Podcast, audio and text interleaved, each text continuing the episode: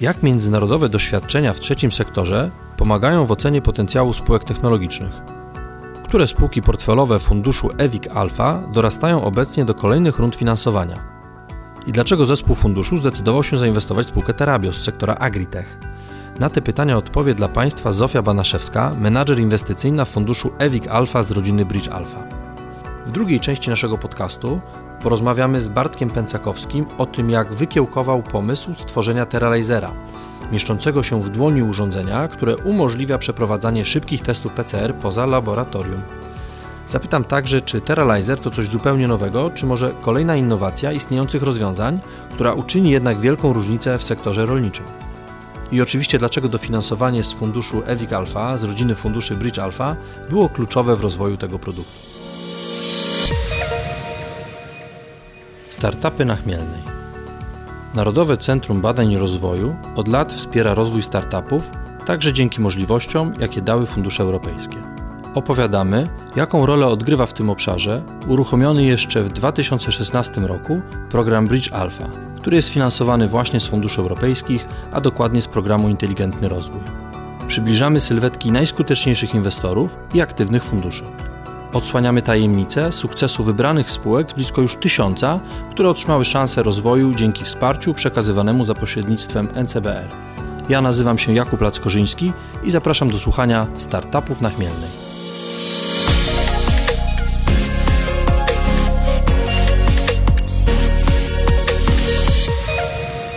Zofia Banaszewska jest menadżerem inwestycyjnym funduszu EWIC Alpha. Posiada 14-letnie doświadczenie w finansowaniu projektów technologicznych i spółek z sektora MŚP w funduszach inwestycyjnych oraz w konsultingu finansowo-unijnym. Zasiada obecnie w szeregu rad nadzorczych spółek portfelowych z ramienia funduszu.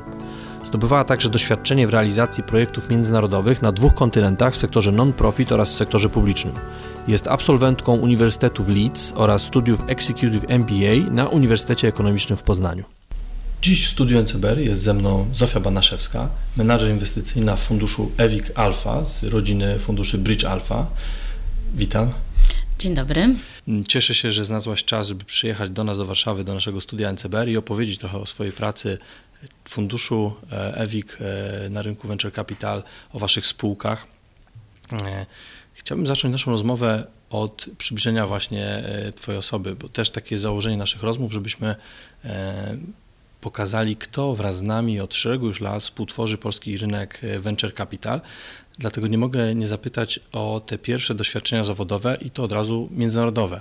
Co robiłaś w Malezji, Albanii i finalnie e, w Londynie? Moje doświadczenie międzynarodowe to y, początek mojej ścieżki zawodowej. Y, w Albanii zajmowałam się projektami związanymi z przedsiębiorczością y, wśród młodzieży. Pracowałam tam na stażu w Ministerstwie Kultury, Sportu, Rekreacji i Młodzieży. Ciekawym doświadczeniem też była praca w UNICEF-ie w dziale komunikacji i mediów. To w Londynie. To w Londynie. To jest druga co do wielkości agencja po Nowym Jorku, więc bardzo ciekawe doświadczenie pod kątem funkcjonowania również tej organizacji e, oraz ciekawa przygoda w Malezji, w, w sektorze NGO-sów e, i wsparcia ich w projektach e, po tsunami. To bardzo ciekawe i zdaje się, że te doświadczenia pomogły Ci później w Twojej karierze zawodowej już tu w Polsce, przyspieszyły ją. Y, to prawda. Przyjeżdżając tutaj do Polski, dosyć szybko trafiłam do grupy mm, konsultingowej, y, grupy zajmującej się e, pozyskiwaniem finansowania dla sektora MŚP. Taki był, taki był mój cel. Po projektach e, typowo non-profit e, interesowało mnie to, żeby trafić do takiego sektora bardziej biznesowego, gdzie efekty pozyskiwania tych finansowań są bardziej bardziej widoczne y, i szybciej je widać. No jak ostatecznie trafiłaś y, do rynku venture capital, do funduszu venture capital? Był to dość naturalny krok y, z tego tytułu, że wcześniej również zajmowałam się finansowaniem spółek celowych. Finansowanie było głównie dotacyjne, czyli z wykorzystaniem środków unijnych, natomiast były to spółki na pewno wysokotechnologiczne, związane z rynkiem właściwie właściwie z różnymi branżami. Dotyczyło też to również sektora MŚP, więc w, ten sposób. Jak te doświadczenia dzisiaj w Twojej pracy inwestora, menedżera inwestycyjnego znajdują zastosowanie w Twojej pracy i w Twoich relacjach z spółkami? Z czego, z tych pierwszych doświadczeń, z jakich elementów możesz czerpać, czerpiesz w swojej pracy? Na pewno z y, kontaktów, budowania relacji. Y, robię to y, w codziennej pracy w ramach funduszu. E, natomiast też, jeżeli chodzi o ocenę projektów, teamów, które do nas przychodzą ze swoimi pomysłami, patrzę na nich z punktu widzenia e, ich zespołów, w jaki sposób e, doszło do tego, że budują dany projekt, czy są to osoby, które, które współpracują ze sobą dłuższy czas, jak uzupełniali kompetencje, których im brakuje, poprzez na przykład dobranie jakichś specjalistów, w jaki sposób się angażują w te projekty czy chodzi o czas, czy również jest to zaangażowanie e, finansowe, e, więc to jest jeden z takich e, głównych elementów, a drugi to patrzę pod kątem realizacji potrzeb, które stawia rynek, tak? Czy rozwiązanie odpowiada na realne potrzeby i czy te potrzeby są faktycznie dobrze zwalidowane.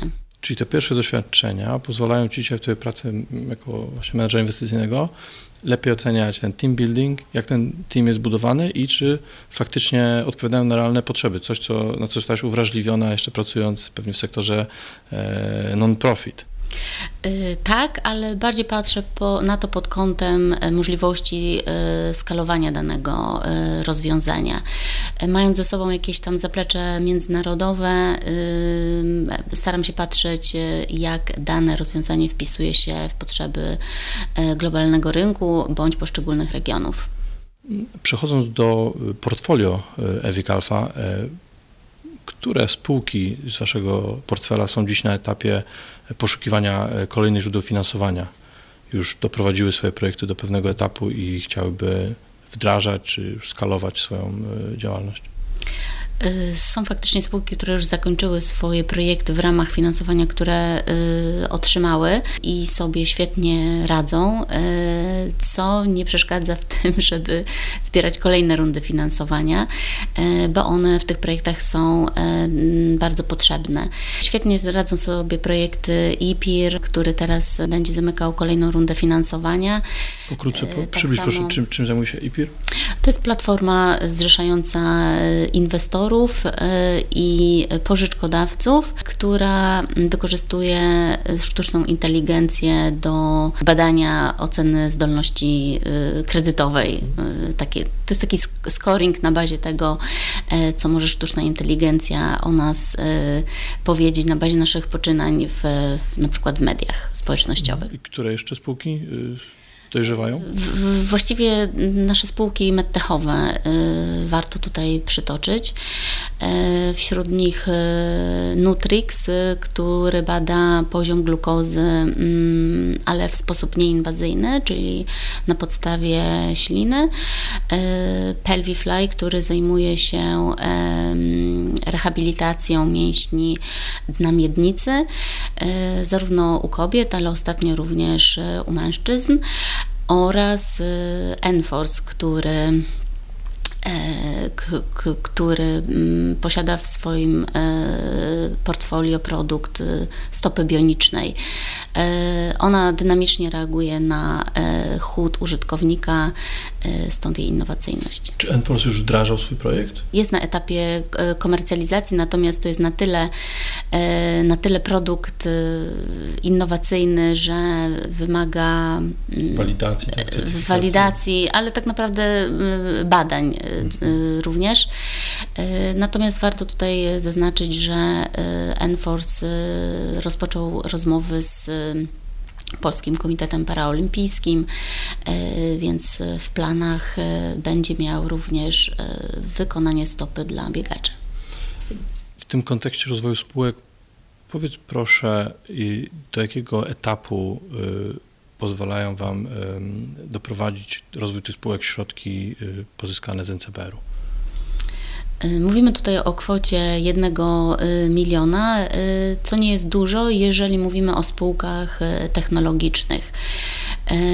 Starczają one na częściowe pokrycie mm, etapu badań i rozwoju. Często de- deklarują nam pomysłodawcy, że są w stanie dojść do etapu komercjalizacji, jednak z doświadczenia wiemy, że te środki po Bridge Alpha są jeszcze potrzebne na doszlifowanie pewnych e, elementów rozwiązania, a tak naprawdę na przygotowanie się e, do wejścia na rynek, komercjalizację, nie mówiąc już o skalowalności. Przechodząc już do drugiej części nasze, naszego nagrania, podczas której e, porozmawiam z Bartoszem Pęcakowskim z spółki Terabio, to Wasza spółka portfelowa, którą zarekomendowaliście nam do rozmowy. Mm, powiedz proszę, czym Terabio zwróciło Twoją uwagę, żeby właśnie w nich zainwestować? Y, Terabio jest ciekawą y, spółką y, pod dwoma względami. Podczas mojej wstępnej oceny zwrócili moją uwagę teamem mm, i osobami w zespole, które mogły się pochwalić jakimiś osiągnięciami, a także merytoryczną wiedzą. W toku rozmów oczywiście poznałam ich też umiejętności i cechy, które są E, istotne z punktu widzenia funduszu, jak umiejętności komunikacyjne czy budowania relacji, o których e, mówiłam. E, a drugim aspektem był sam produkt, który mm, ma dosyć istotny wpływ na każdego z nas, więc możemy tutaj mówić o jakimś wpływie takim społecznym, tak zwany social impact, bo jest to produkt z, z branży rolno-spożywczej i bezpieczeństwa produkcji żywności. Bardzo dziękuję za rozmowę, bardzo dziękuję za wszystkie te ciekawe odpowiedzi. Trzymamy kciuki za dojrzewanie wszystkich spółek y, portfelowych funduszu EWIK Alpha i zapraszam na drugą część naszej rozmowy z Bartoszem Pęcakowskim z Terabio. Dziękuję, dziękuję bardzo. W studiu NCBR jest obecny dzisiaj ze mną Bartosz Pęcakowski, biolog molekularny związany z wrocławskim środowiskiem akademickim współpomysłodawca, współzałożyciel, a od y, kwietnia tego roku także prezes zarządu spółki TerraBio, naukowiec, który czuje się równie pewnie w laboratorium jak w biznesie. Więcej, y, jak mówiłeś, y, wdrożenie efektów prac badawczych jest dla Ciebie takim ważnym elementem weryfikacji prawdziwości e, tych ustaleń naukowych, czy literatura zgadza się z e, praktyką, tak jak to w Twojej dziedzinie e, jest bardzo istotne, ta powtarzalność wyników. Mm, jeśli chodzi o samo TerraBio, w tej spółce, w tę spółkę zainwestował fundusz z rodziny Bridge Alpha, Evic Alpha, także Leonardo, a od y, marca tego roku waszym partnerem jest także y, czołowy polski producent i dystrybutor e, świeżych soków i warzyw Amplus. Powiedz proszę, jaka jest historia, która e, stoi za waszym produktem, Teralizerem? Jak e, powstał pomysł i jak dotarliście do tego etapu, w którym jesteście? Jeżeli chodzi o historię TerraBio jako taka, to zaczęło się jeszcze w innej spółce, z której wywodzi się jakby nasza struktura i mm, nasz taki core team. Ten pomysł nie zrodził się do końca w naszych głowach. E, tamta spółka zajmowała się, dalej się zajmuje diagnostyką kliniczną. Mm, natomiast e, właśnie ze strony Amplusa wtedy pojawił się pomysł, czy nie moglibyśmy takiej diagnostyki molekularnej pozalaboratoryjnej wdrożyć w sektorze bezpieczeństwa żywności, tak, produkcji rolno-spożywczej, monitoringu patogenów e, od tak naprawdę uprawy poprzez już gotowy produkt i też wcześniej w czasie magazynowania.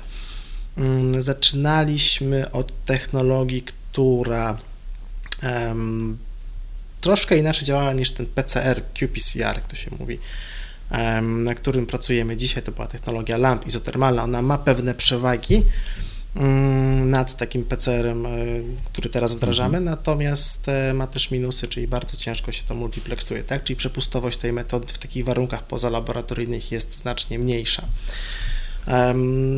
Tutaj jakby aspekty ekonomiczne też miały pewne znaczenie, ponieważ opracowanie, opracowanie i mm, wdrożenie takiej metody, już e, jej komercjalizacja a w wyniku tego końcowa cena produktu jest dużo bardziej konkurencyjna mm, dla rozwiązań opartych o multiplex qPCR. Mm, więc to się zaczęło jeszcze w 2017 roku i to zaczęło kiełkować jeszcze w ramach tej poprzedniej spółki.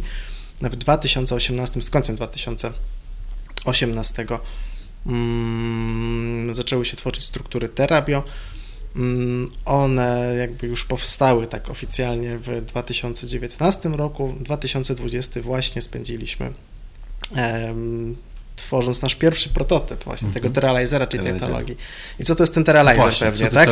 Proszę przybliżyć. Bo krótki rys historyczny. Co to za produkt? Teralizer tak naprawdę to nie jest coś, czego nie było, to jest e, podobne rozwiązanie takie, które mamy na rynku, aczkolwiek jest dużo mniejsze. Um, to jest termocykler z detekcją fluorescencji w czasie rzeczywistym, czyli taki klasyczny termocykler, jakie stoją w laboratoriach, tak, przeznaczone właśnie do tego rodzaju reakcji.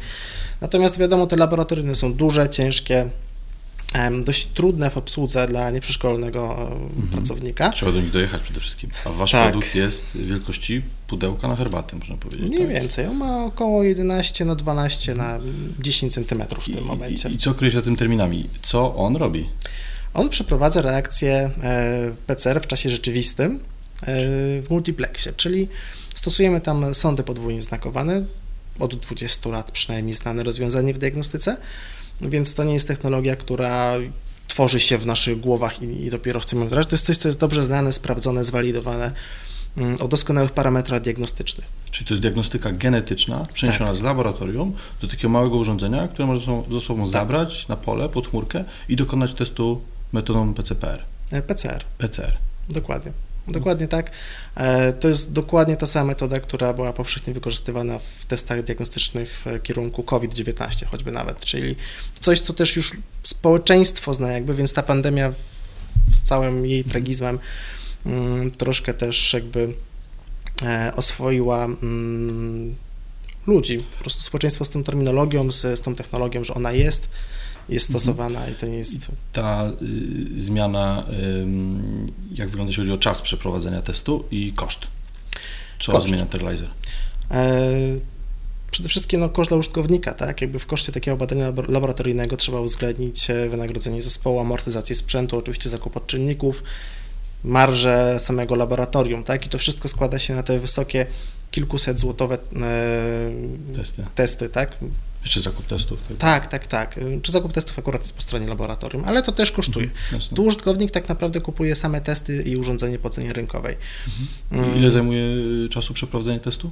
Terrazera? Kiedy ma e, wynik? Dzięki naszej technologii jest nawet trochę szybszy niż laboratoryjnie. E, staramy się to skrócić oczywiście. W tej chwili to jest około 80 minut. 80 minut.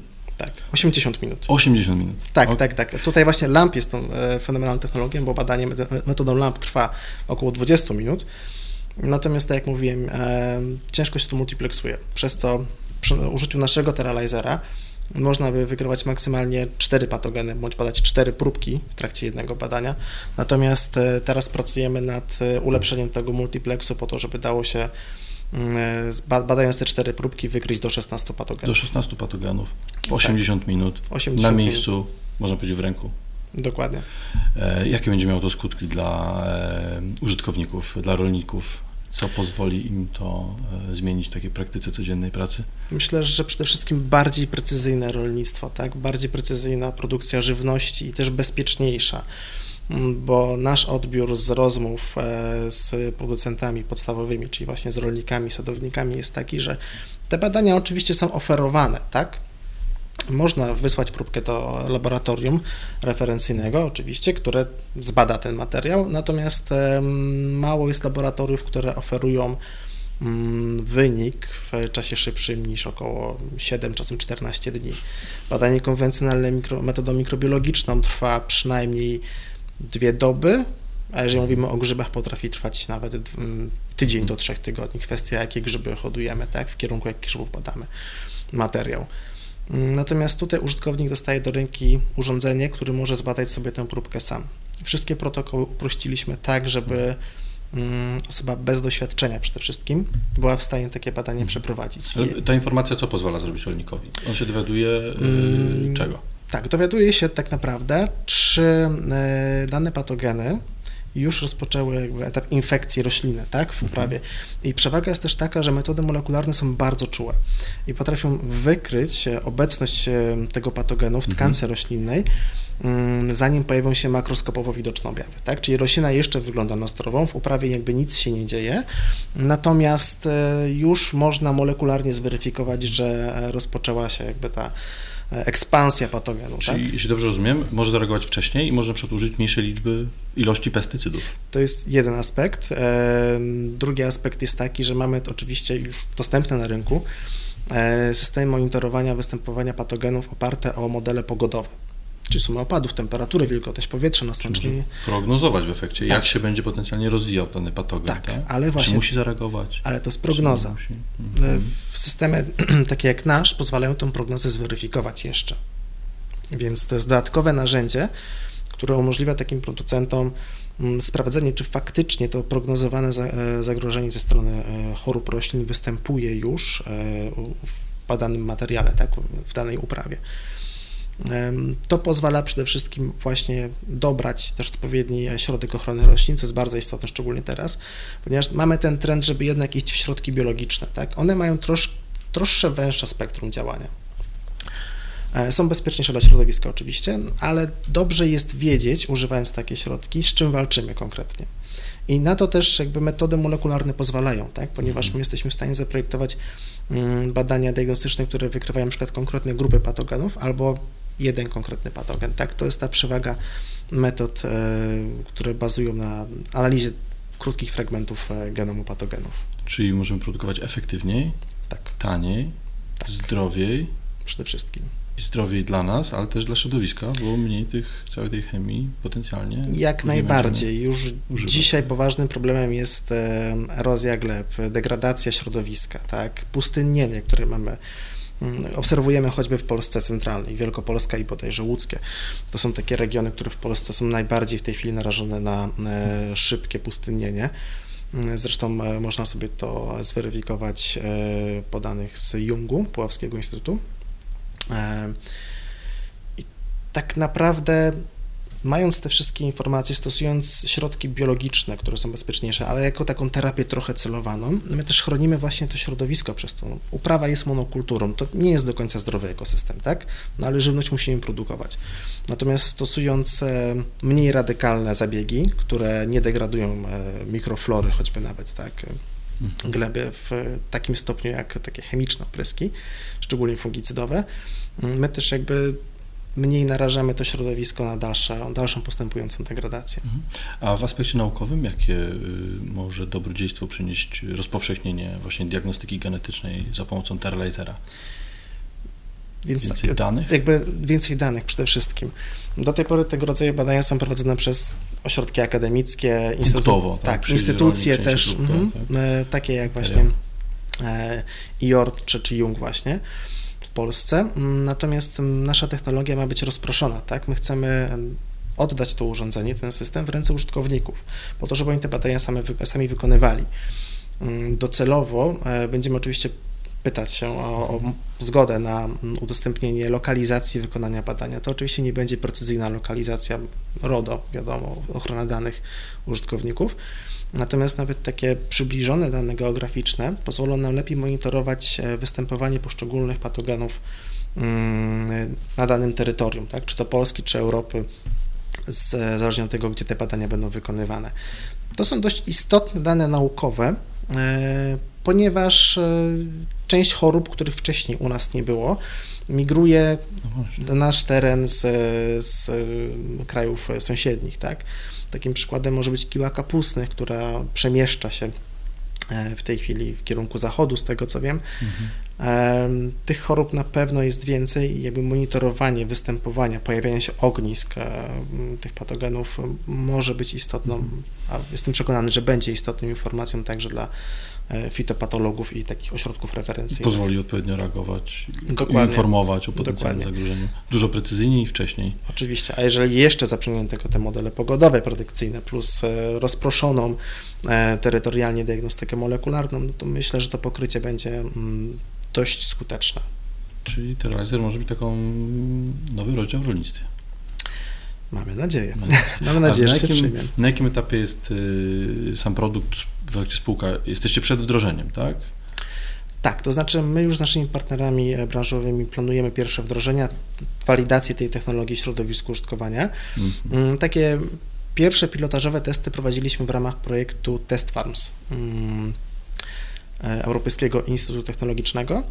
Mm, one były prowadzone w Hiszpanii, w Portugalii w, we współpracy z firmą Tepro. To jest jedna z największych e, firm, które zajmują się zarządzaniem uprawami mm, w Europie i w Afryce Północnej.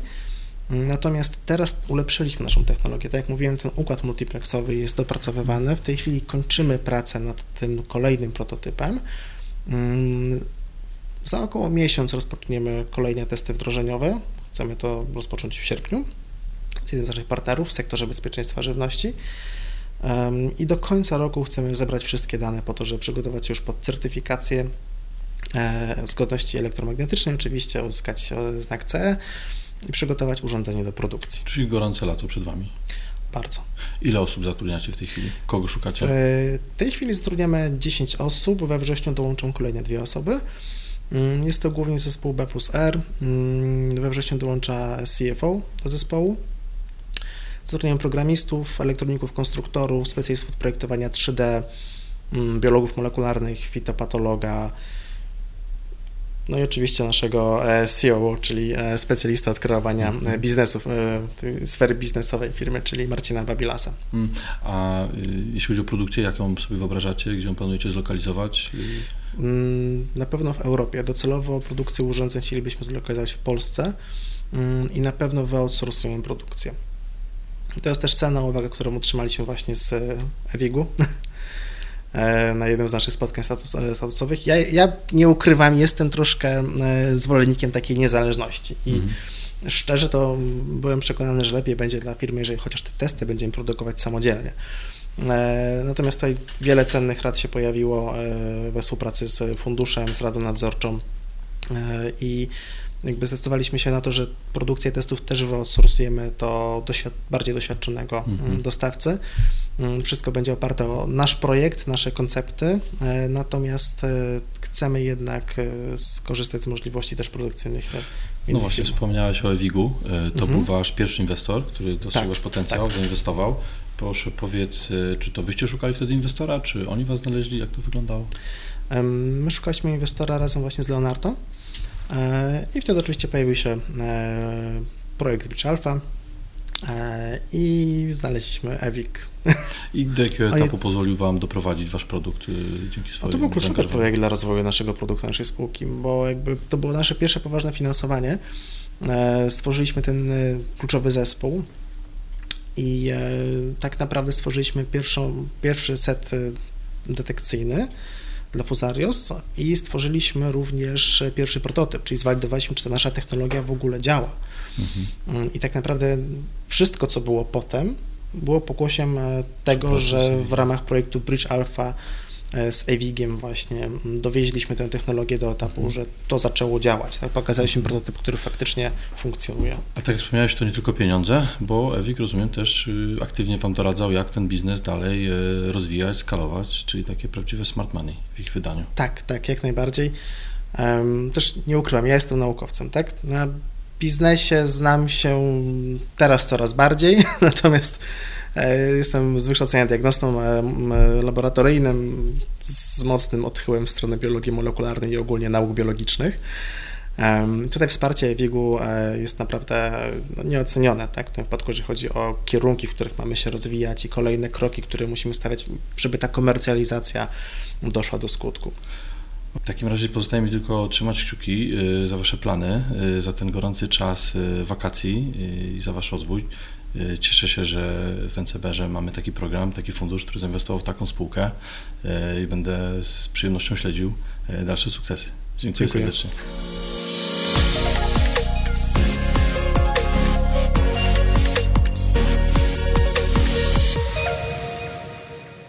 Do kolejnego nagrania zaprosiliśmy Marcina Bielówkę, CEO w InnoVenture.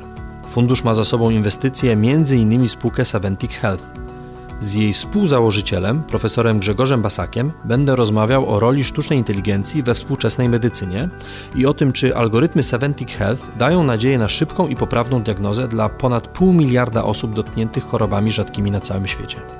Zapraszam do słuchania.